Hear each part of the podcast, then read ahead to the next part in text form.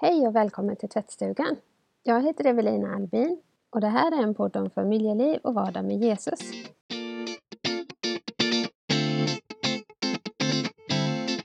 Hur gör vi för att sätta tydliga gränser? Och hur gör vi för att barnen ska respektera dem? Hur gör vi för att skapa en konfliktfri vardag? Går det och skulle det vara bra ens? Hur gör man för att åtminstone minska konflikterna lite i alla fall? Och hur får vi tålamodet och självbehärskningen att räcka lite längre som föräldrar? I det här dubbelavsnittet blir det kloka råd och konkreta tips kring ramar, bråk och konflikter från boken Vad alla föräldrar borde få veta och boken Barn som bråkar. Och så lite tankar från en ganska argsint mamma.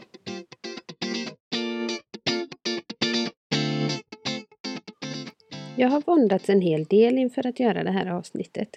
För jag brottas och kämpar rätt mycket med mitt temperament. Utåt sett så uppfattas jag säkert som en väldigt mild och vänlig person. Men faktum är att jag ofta, nästan dagligen, misslyckas med att vara så där tålmodig och god som jag vill vara som förälder. I stunden kan det vara skönt att få häva ur sig och gorma och smälla i dörrar och sådär. Men efteråt så har jag ofta väldigt dåligt samvete för mina vredesutbrott. Och från och till så funderar jag på om jag kanske borde anmäla mig själv till socialtjänsten för att få hjälp. En av mina största farhågor och rädslor är i alla fall att barnen ska ta avstånd från allt vad tro och kyrka heter på grund av att jag inte lyckas leva som jag lär. För någonstans tänker jag att ett av mina uppdrag som förälder är att gestalta Guds eviga och ovillkorliga kärlek och godhet. Men det är fascinerande hur många känslor på skalan som man kan känna på en dag när man har barnen hemma. Det är ju inte bara puttinuttor, lycka och rosa moln och underbart. Utan det kan ju rymmas ganska mycket och intensiv irritation, frustration och ilska också. Vissa dagar kan jag känna att jag bara vill att det ska bli kväll så fort som möjligt så att barnen somnar och jag kan få det lite lugnt. Som när man spelar sällskapsspel och ligger under stort och bara vill att någon ska vinna så att det blir ett slut på eländet. Jag vet inte riktigt vad som är hönan och ägget, men det är som att när jag är trött och har dåligt tålamod, när jag behöver som mest att barnen leker lugnt och snällt, att de lyssnar och gör som jag ber dem, att allt flyter på helt enkelt. Ja, då är det som att de brötar, bråkar, gnäller och trotsar som mest. Och efter några timmar av detta så blir mitt humör och mitt tålamod inte direkt bättre. Och jag hamnar ofta i ett läge där jag lägger över skulden för mitt dåliga humör på barnen och ger mig själv rätten att ryta och vråla och smälla i dörrar och ta tag lite onödigt hårt i någons arm. För hade du inte gjort så så hade ju inte jag blivit så här trött och arg och då hade det här aldrig hänt, tänker jag. Och det är ju jättemoget. Jag funderar en del på hur det märks i vårt hem att vi är kristna, att vi älskar Gud och vill följa Jesus. Särskilt under pandemin med restriktionerna, när vi inte kunde gå till kyrkan på samma sätt som tidigare. Och jag har kanske stirrat mig blind på det här med andakt och bön och sådana yttre attribut, om man kan kalla det det. Men det är kanske här, när vi kommer till hur vi reagerar och agerar i bråk och konflikter i familjen, som det bränner till på riktigt. I Johannes 13 och 35 står det så här. Alla ska förstå att ni är mina lärjungar om ni visar varandra kärlek. I Ordspråksboken 15 och 1 står det Milt svar stillar vrede och hårda ord väcker harm. I Efesiebrevet 6 och 4 står det Ni fäder, reta inte upp era barn utan fostra och vägled dem efter Herrens vilja. I Kolosserbrevet 3 och 21 står det nästan likadant. Ni fäder, reta inte upp era barn, då tappar de modet. Och i Kolosserbrevet 4 och 6 så står det så här. Lägg alltid era ord väl och ge dem sälta. Ni måste veta hur ni ska svara var och en. Och I ett bibelstudium på Nyhemsveckan 2020 så berättade Mikael Telbe att i engelska översättningar så översätts den här versen Let all your conversation be full of grace. Typ, låt allt ni säger genomsyras av nåd. Och han menade att det är en översättning som bättre återspeglar grundtextens betydelse. För mig har det blivit en vers som verkligen fastnat och hjälpt mig Att tala och tänka lite snällare. Att omvärdera situationer och utgå från att, att det lika gärna hade kunnat varit jag som spillde ut vatten på golvet i badrummet. Och att det faktiskt ju är ganska härligt att barnen leker och har roligt tillsammans. Även om det låter lite mycket för mina öron. Ja, jag kan förresten verkligen rekommendera det, de bibelstudierna från Nyhemsveckan 2020. Det var tre olika personer som går igenom Kolosserbrevet vers för vers.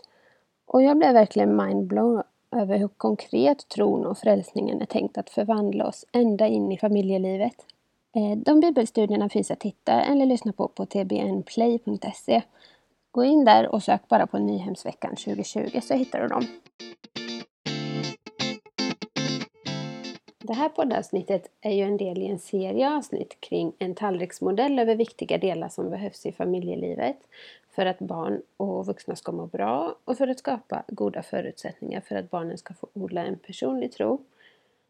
Delarna i tallriksmodellen baseras bland annat på boken Vad alla föräldrar borde få veta av Kajsa Lönnrodin och Maria Laloni. Och egentligen skulle jag vilja läsa hela deras kapitel om ramar och gränser och så. För de skriver så mycket bra och på ett så enkelt och ödmjukt sätt. Men det kan jag ju inte riktigt göra på grund av copyrightlagar och så. Så med risk för att det blir lite cheesy så tänkte jag att vi skulle kika lite i min föräldraskapsverktygslåda med verktyg i form av både förhållningssätt och handfasta knep. Mycket kommer från boken Vad alla föräldrar borde få veta och boken Barn som bråkar som jag läst när jag har känt mig på botten i föräldraskapet. En del har jag samlat på mig både när jag pluggat till lärare och jobbat som lärare och lite har jag snappat upp från vänner och från mina föräldrar under min egen uppväxt. Så, mina damer och herrar, låt mig få presentera verktygslådan!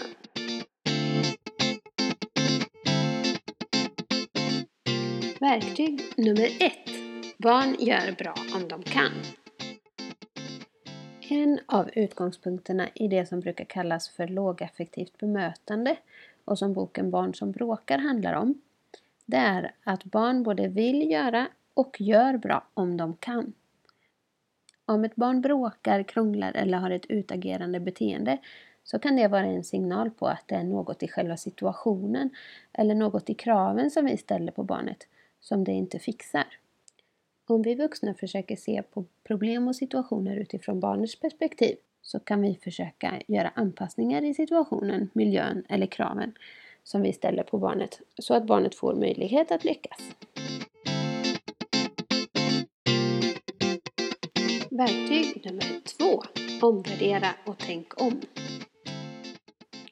I vår familj var det tills ganska nyss ganska mycket bråk när det blev dags för tandborstning. Vi tyckte att barnen aldrig ville borsta tänderna när vi sa till. De sprang iväg, de gömde sig, sprattlade och skrek när vi till slut var tvungna att hämta dem. Men när vi omvärderade hela tandborstningssituationen och försökte se den ur barnens perspektiv så märkte vi att barnen egentligen bara ville få avsluta det de höll på med och att vårt krav att de skulle släppa allt och komma direkt var för högt ställt. Dessutom hade barnen önskemål om vem som skulle borsta deras tänder. Så när vi gav dem lite mera utrymme att avsluta och komma till oss lite mer i sin egen takt och när vi gav dem möjlighet att välja vem som skulle borsta så kom de till slut snällt och fint och gapade stort utan nämnvärda protester.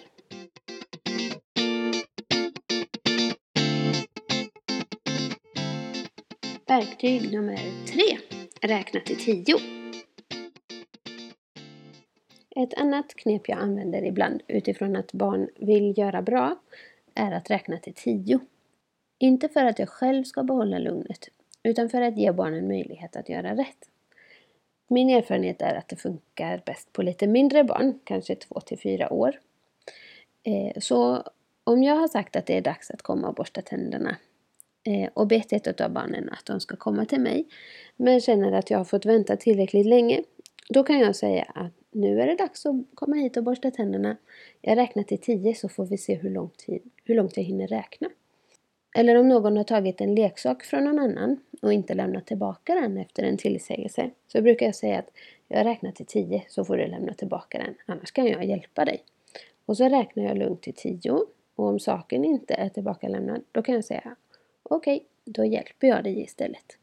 Och ofta händer det som jag efterfrågat innan jag kommit till tio. Och det är fantastiskt att få se glädjen i barnens ögon. Hela de strålar liksom. Jag gör bra nu mamma. Verktyg nummer fyra. Trots är lika med utveckling mot självständighet. I boken Vad alla föräldrar borde få veta så skriver Kajsa och Maria så här. Att när barn kan förflytta sig för egen maskin börjar de allt tydligare uttrycka sin självständighet. Frustration och ilska är vanliga reaktioner när barns vilja inte alltid respekteras. Det här är en del av utvecklingen mot att bli en individ som ska klara av att vara separerad från föräldrarna en stor del av dygnet. En tvååring som inte vill sitta på stolen, äta sin mat eller åka vagn tar helt enkelt sin utvecklingsuppgift på allvar. Att se protesterna som en del i utvecklingen, ett naturligt uttryck snarare än ett försök att sätta käppar i hjulet för dig, det kan göra dem lättare att hantera. Som föräldrar behöver vi stå ut med att ta impopulära beslut och att barnen inte alltid håller med oss, blir argt eller ledset eller kanske ställer till en scen på bussen. Att bli ifrågasatt av sina barn ingår i att vara förälder lika mycket som det ingår att vara ifrågasättande som barn.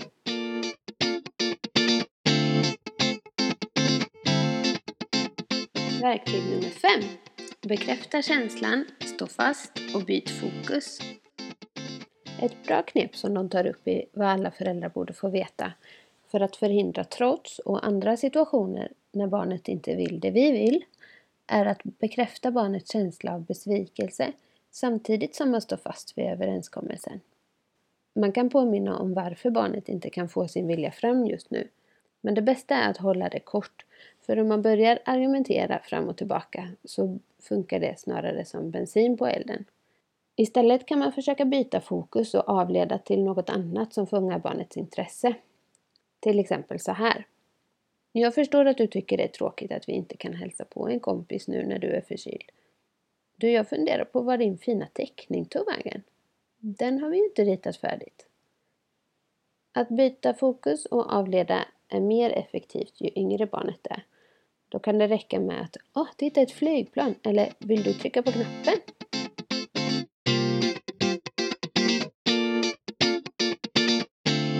Verktyg nummer 6. All uppmärksamhet är bra uppmärksamhet. Vår uppmärksamhet är en stark drivkraft för barn. Om vi är upptagna och inte har möjlighet att ge vårt barn någon positiv uppmärksamhet för tillfället så kan det ur barnets perspektiv vara värt att börja bråka, ställa till det eller störa för att åtminstone få negativ uppmärksamhet.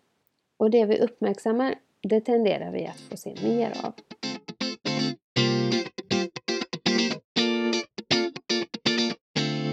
Verktyg nummer sju Fokus på det som funkar.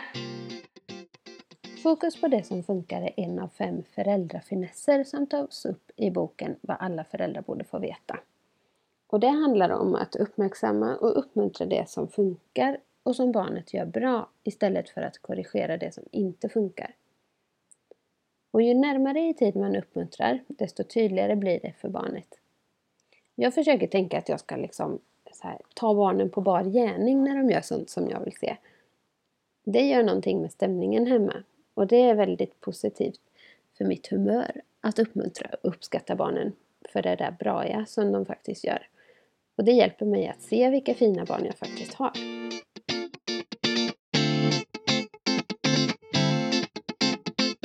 Verktyg nummer 8. Backa hem.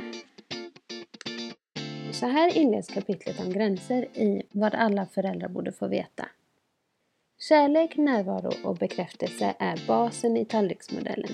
Det är bara att ösa på. Samtidigt behöver barn ramar. Men utan omtanke och kärlek funkar sällan gränssättningen. Om du hoppat direkt till det här kapitlet kan det alltså vara en god idé att gå tillbaka några kapitel. Jag har också märkt att om jag har sovit lite flera nätter i rad och om jag inte fått vara för mig själv och syssla med något meningsfullt utöver då hushåll och familj eh, på ett tag så påverkar det mitt tålamod och humör ganska markant. Så utöver att backa hem och ge kärlek, närvaro och bekräftelse till barnen så kan man också behöva att backa hem och se över det där med vila och återhämtning för sin egen del. Happy wife, happy life säger man ju ibland. Och det kanske stämmer lite grann i alla fall. Verktyg nummer 9. Kamma med gles kam. Skäll och tjat är inte särskilt effektiva strategier för att uppfostra barn och man blir snabbt trött som förälder och känner frustration och ilska över att ingen lyssnar. I Vad alla föräldrar borde få veta så tar de upp undersökningar som har visat att vi kan ge våra barn upp till 17 uppmaningar i timmen. Akta dig, var försiktig, gör inte så, kom här. Ja. För många instruktioner och uppmaningar, säger de, kan tära på vilken relation som helst. Och det ger inte barnet någon nämnvärd vägledning för hur de ska göra. En strid ström av uppmaningar gör det också svårt för barnet att avgöra vad det är som är viktigt egentligen. Så för att vi ska bli lite tydligare behöver vi kamma med gles kam och se mellan fingrarna med en del saker som är mindre viktiga. Helt enkelt mena allvar med det vi säger, eller låta bli att säga det alls.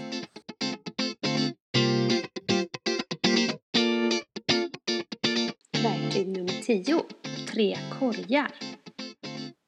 Som en hjälp i att kamma med gles kam och sortera bland våra tillsägelser och välja våra strider så presenterar författarna till Vad alla föräldrar borde få veta den amerikanske psykologen Ross Greens tre korgar.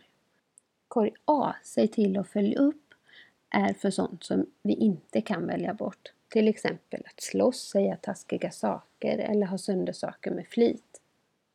Korg B, resonera med barnet är för sånt vi kan resonera oss fram till en lösning på. Till exempel när läxan ska göras eller vad som är en lämplig frukost. Och korg C, välj bort, är för sånt som vi kan se mellan fingrarna med.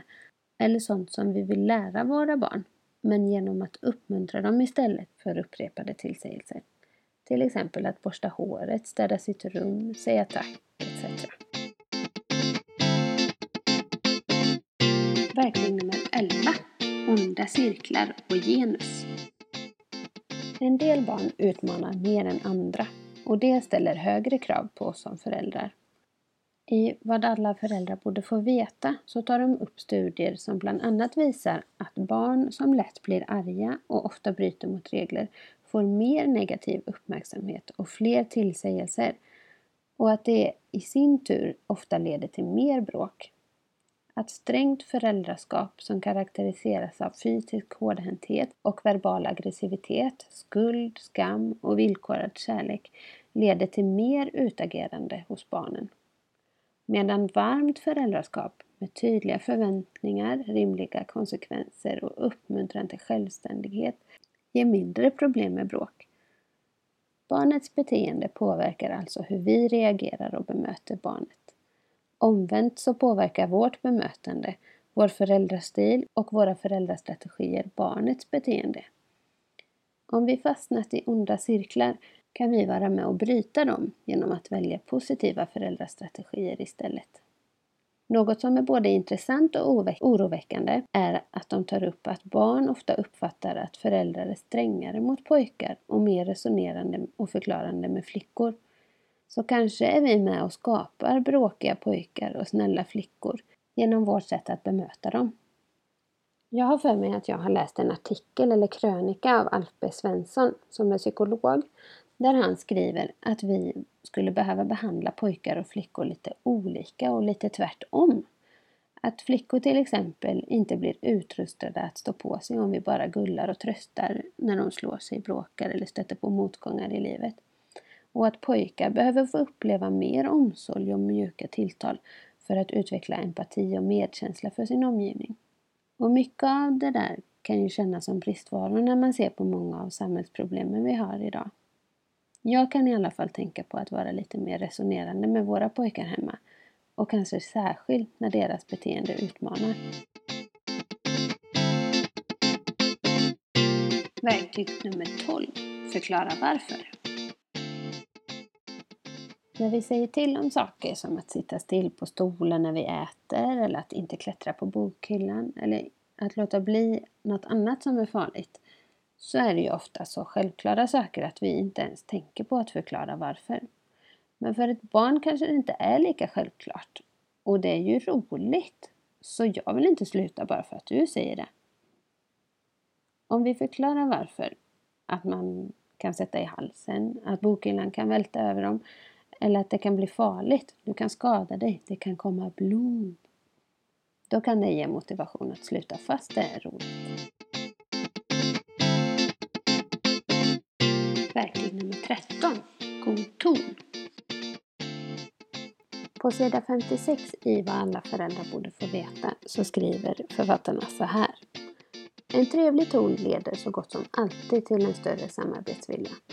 En studie visar att samspelet i parförhållanden visade att 96 procent av alla samtal slutade på samma sätt som de började. Ett vänligt tonläge signalerar också en förväntan om att barnet ska lyssna, vilket ökar chansen för att det faktiskt blir så. Lägger vi dessutom till ett tack eller är du snäll så blir oddsen ännu bättre.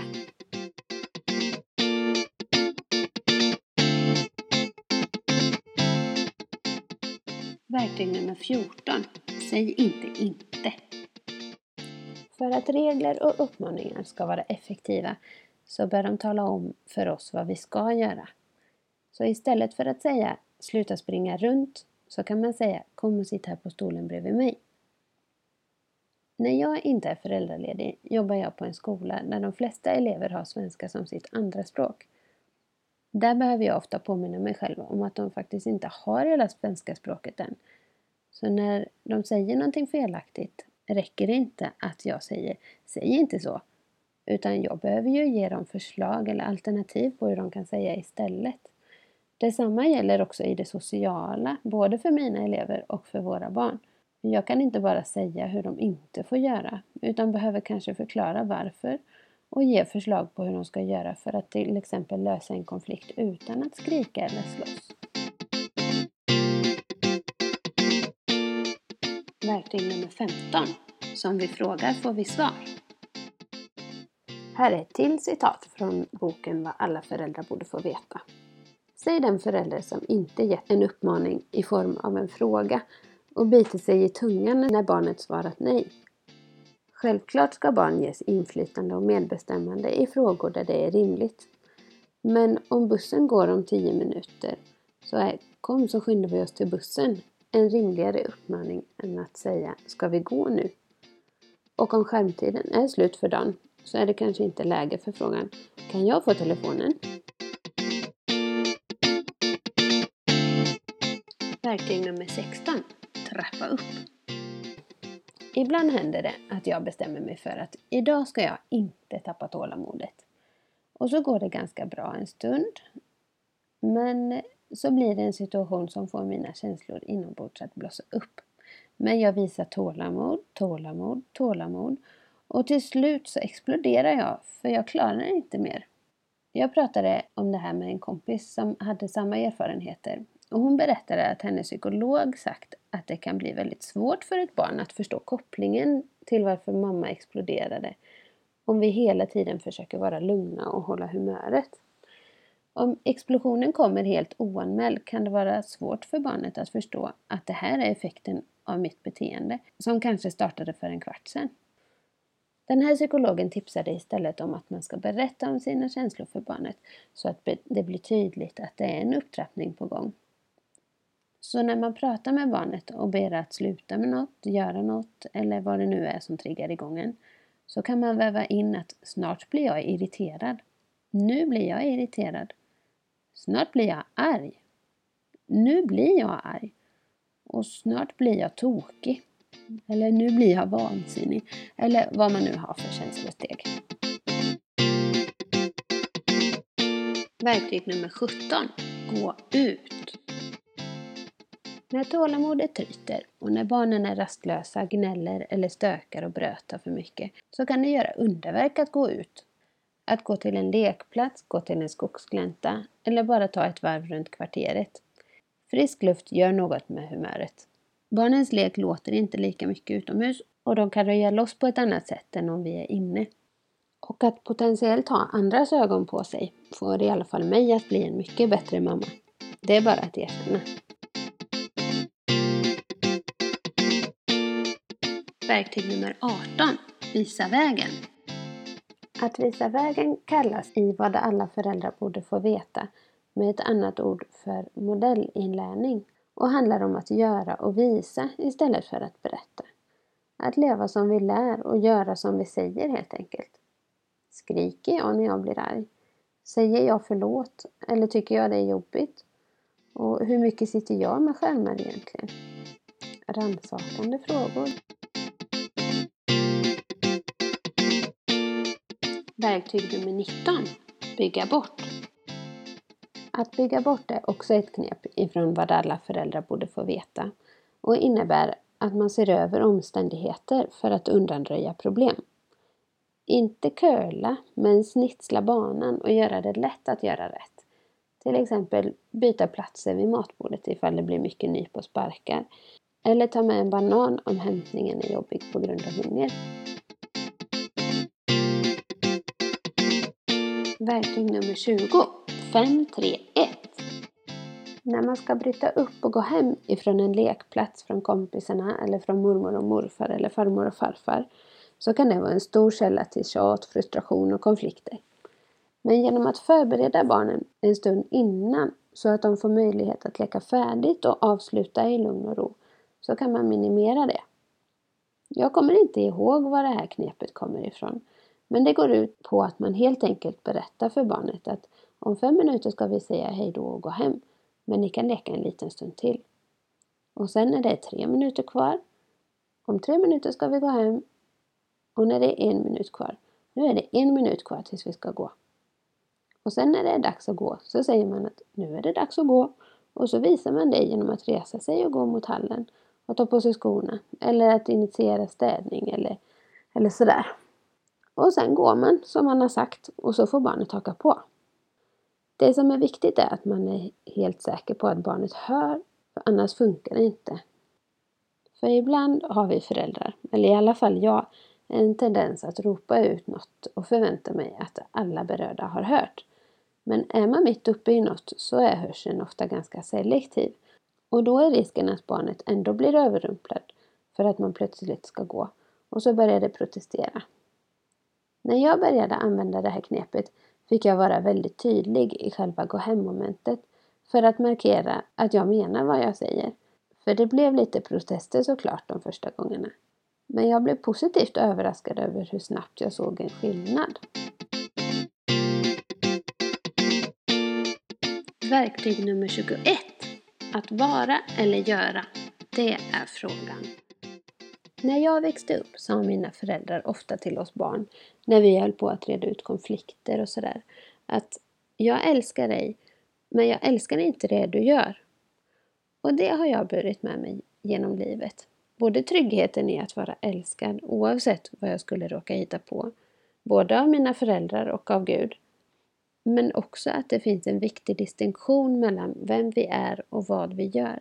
Mellan att vara och att göra. Och jag har märkt att vuxna ofta pratar till barn på ett sätt där det här blandas ihop. Till exempel, kan du vara lite lugnare? Eller måste du vara så gnällig? Eller måste du vara så bråkig?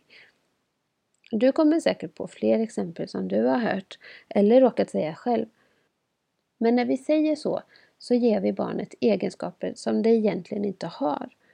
Och risken är ju att barnet bygger upp en självbild kring att jag är gnällig, jag är bråkig, jag är brötig eller vad vi nu säger att de är. Och ofta så säger ju barn om andra, han är snäll och hon är dum. Men egentligen är det ju så att barnet i vissa situationer stökar och brötar, gnäller, bråkar och gör snälla eller dumma saker. Jag vill i alla fall inte definieras av det dåliga som jag gör. Så jag försöker att tänka på att inte prata i sådana termer med barnen heller. Verktyg nummer 22. Straff eller konsekvens. När man känner att man håller på att tappa i en argumentation så är det ju lätt att dra till med det där beprövade kortet. Om du inte gör som jag säger blir det inget lördagsgodis. Vinsten uteblir sällan och maktbalansen är återställd. Men egentligen är ju det ganska långsökt. Vad har lördagsgodiset egentligen med själva konflikten att göra? Och jag märker att även om jag har vunnit så blir jag irriterad. För barnen lär sig att säga förlåt för att få ut något utav det. Och det är ju verkligen ingenting jag vill fostra fram. Knepet som jag har förstått det är att använda konsekvenser istället för straff. Skillnaden kan vara lite svår att avgöra. Men jag tror att en nyckel ligger i om det är just långsökt eller inte. En konsekvens har ett direkt orsak-verkanssamband medan ett straff är mer långsökt. Så kanske man kan tänka. En konsekvens skulle kunna låta så här i så fall. Om du fortsätter slåss med den här så behöver jag ta den ifrån dig. Och om man blir tvungen att ta den så kan man säga Ja, jag är ledsen. Jag ville gärna att du skulle leka med den men du valde att fortsätta slåss fast jag påminde dig. Ett straff kan å andra sidan låta så här. Om du fortsätter slåss så blir det inga pannkakor till kvällsmat. Det jag gillar med konsekvenser, när jag lyckas hålla mig till dem, är att jag märker att jag inte behöver bli arg eller höja rösten på samma sätt. Jag kan till och med vara kärleksfull och vänlig. Men försök utdela ett straff. Det hör nästan till att låta arg. Verktyg nummer 23. Humor. Humor kan ta udden av det mesta. I boken Barn som bråkar så ges ett exempel på ett barn som svär åt sin mamma och kallar henne för kossa när de ska borsta tänderna. Mamman tar till humor och börjar råma samtidigt som hon närmar sig med tandborsten. I det exemplet så blir råmandet väldigt avväpnande. Det som var tänkt som skällsord från barnet bet inte på mamman och till slut kunde barnet inte hålla sig för skratt helt enkelt. Och sen kunde de borsta tänderna och leva lyckliga i alla sina dagar. Ja, för mig kändes exemplet från boken lite som en saga. Men att humor kan användas för att vända en situation, det är absolut värt att ta med sig. Jag har märkt att jag har börjat använda humor för att liksom avbryta mig själv när jag har börjat brusa upp och liksom rätta till en mening som började alldeles för argsint. Och ibland är det bara genom att se det komiska och skratta åt det som man kan klara av att uthärda en situation som helt brakat ihop. Som när vi var på cykeltur i somras och alla tre barn gnällde och grät av olika orsaker. En hade ramlat och skrapat upp knät. Men eftersom vi bara hade plåster på metervara och ingen sax så stod vi där febrilt och försökte såga plåstret med en nyckel. Det var lite motigt helt enkelt och väldigt svårt att sluta skratta. Men vi fick skratta i smyg för det hade inte blivit bättre om barnen hade märkt eller känt att vi skrattade åt dem när de var ledsna. Verktyg nummer 24. Överseende. Det kunde varit jag. Ibland när barnen har spilt eller något sånt, då har jag suckat och klagat och skällt på dem. Men sen när jag själv har spilt, pinsamt nog kanske samma dag eller till och med samma måltid, då har det varit en helt annan ton. Där jag har varit väldigt överseende mot mig själv. För det var ju en olycka. Det är sånt som händer. Vi torkade. Gråt inte över spilld mjölk. Jag insåg till slut att jag mäter ju med olika måttstockar här. Och det hjälpte mig att ha lite mer överseende när det händer grejer. För det hade ju lika gärna kunnat vara jag. Om inte nu så i alla fall när jag var i den åldern. Verktyg nummer 25. Räkna med konflikter. Som jag nämnt tidigare så står det i boken vad alla föräldrar borde få veta att trots är en del av barns naturliga självständighetsutveckling. Och på ett annat ställe i samma bok så tar de upp undersökningar som visat att syskon de bråkar i snitt nio gånger per timme. Och på sidan 57 skriver författarna så här. Det går inte att komma undan konflikter. Det ingår i barnets utveckling att bråka och bli sams och bråka och bli sams.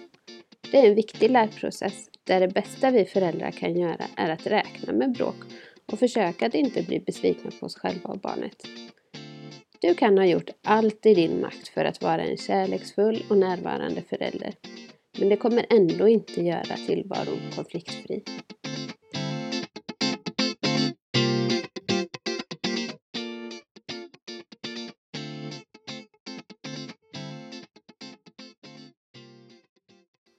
När jag snappar upp sådana här knep och verktyg så har jag en tendens att känna mig sjukt peppad, på gränsen till oövervinnlig. För jag tänker lätt att alla de här fräsiga verktygen ska lösa alla mina problem. Men sen när verkligheten slår till så faller jag platt, trots att jag vet alla de här knepen och sätten att tänka. Men vi kanske behöver tänka att hela föräldraskapet och allt vad det innebär är lite mer som ett hantverk som vi får jobba på och utveckla med tiden.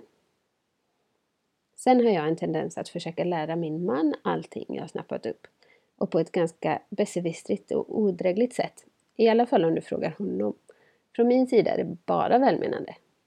Oavsett om du har liknande drag som jag eller inte så kan jag rekommendera att du låter din partner, om han eller hon finns med i bilden vill säga, ta del av innehållet också. Köp eller låna boken Vad alla föräldrar borde få veta. Lyssna på den på en ljudbokstjänst. Eller lyssna på den här podden, kanske tillsammans. Det är verkligen en styrka att ha ett gemensamt språk för sånt som rör barnuppfostran och gränssättning när man är två om det.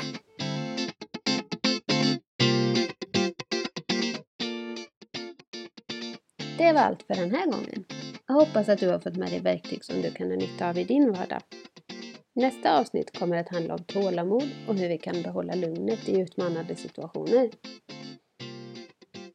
Har du tankar och frågor, tips eller funderingar så får du jättegärna höra av dig till mig till tvattstugan.livet.gmail.com eller på Instagram där kontot heter tvattstugan.livet. Tycker du att den här podden är bra så får du mer än gärna tipsa dina vänner och andra i din omgivning. Du kan till exempel dela länken i ett meddelande eller tagga alla du kommer på under något av inläggen på Instagram. Och så skickar jag med orden från Kolosserbrevet 4 och 6 igen. Let all your conversation be full of grace. Låt allt ni säger genomsyras av nåd.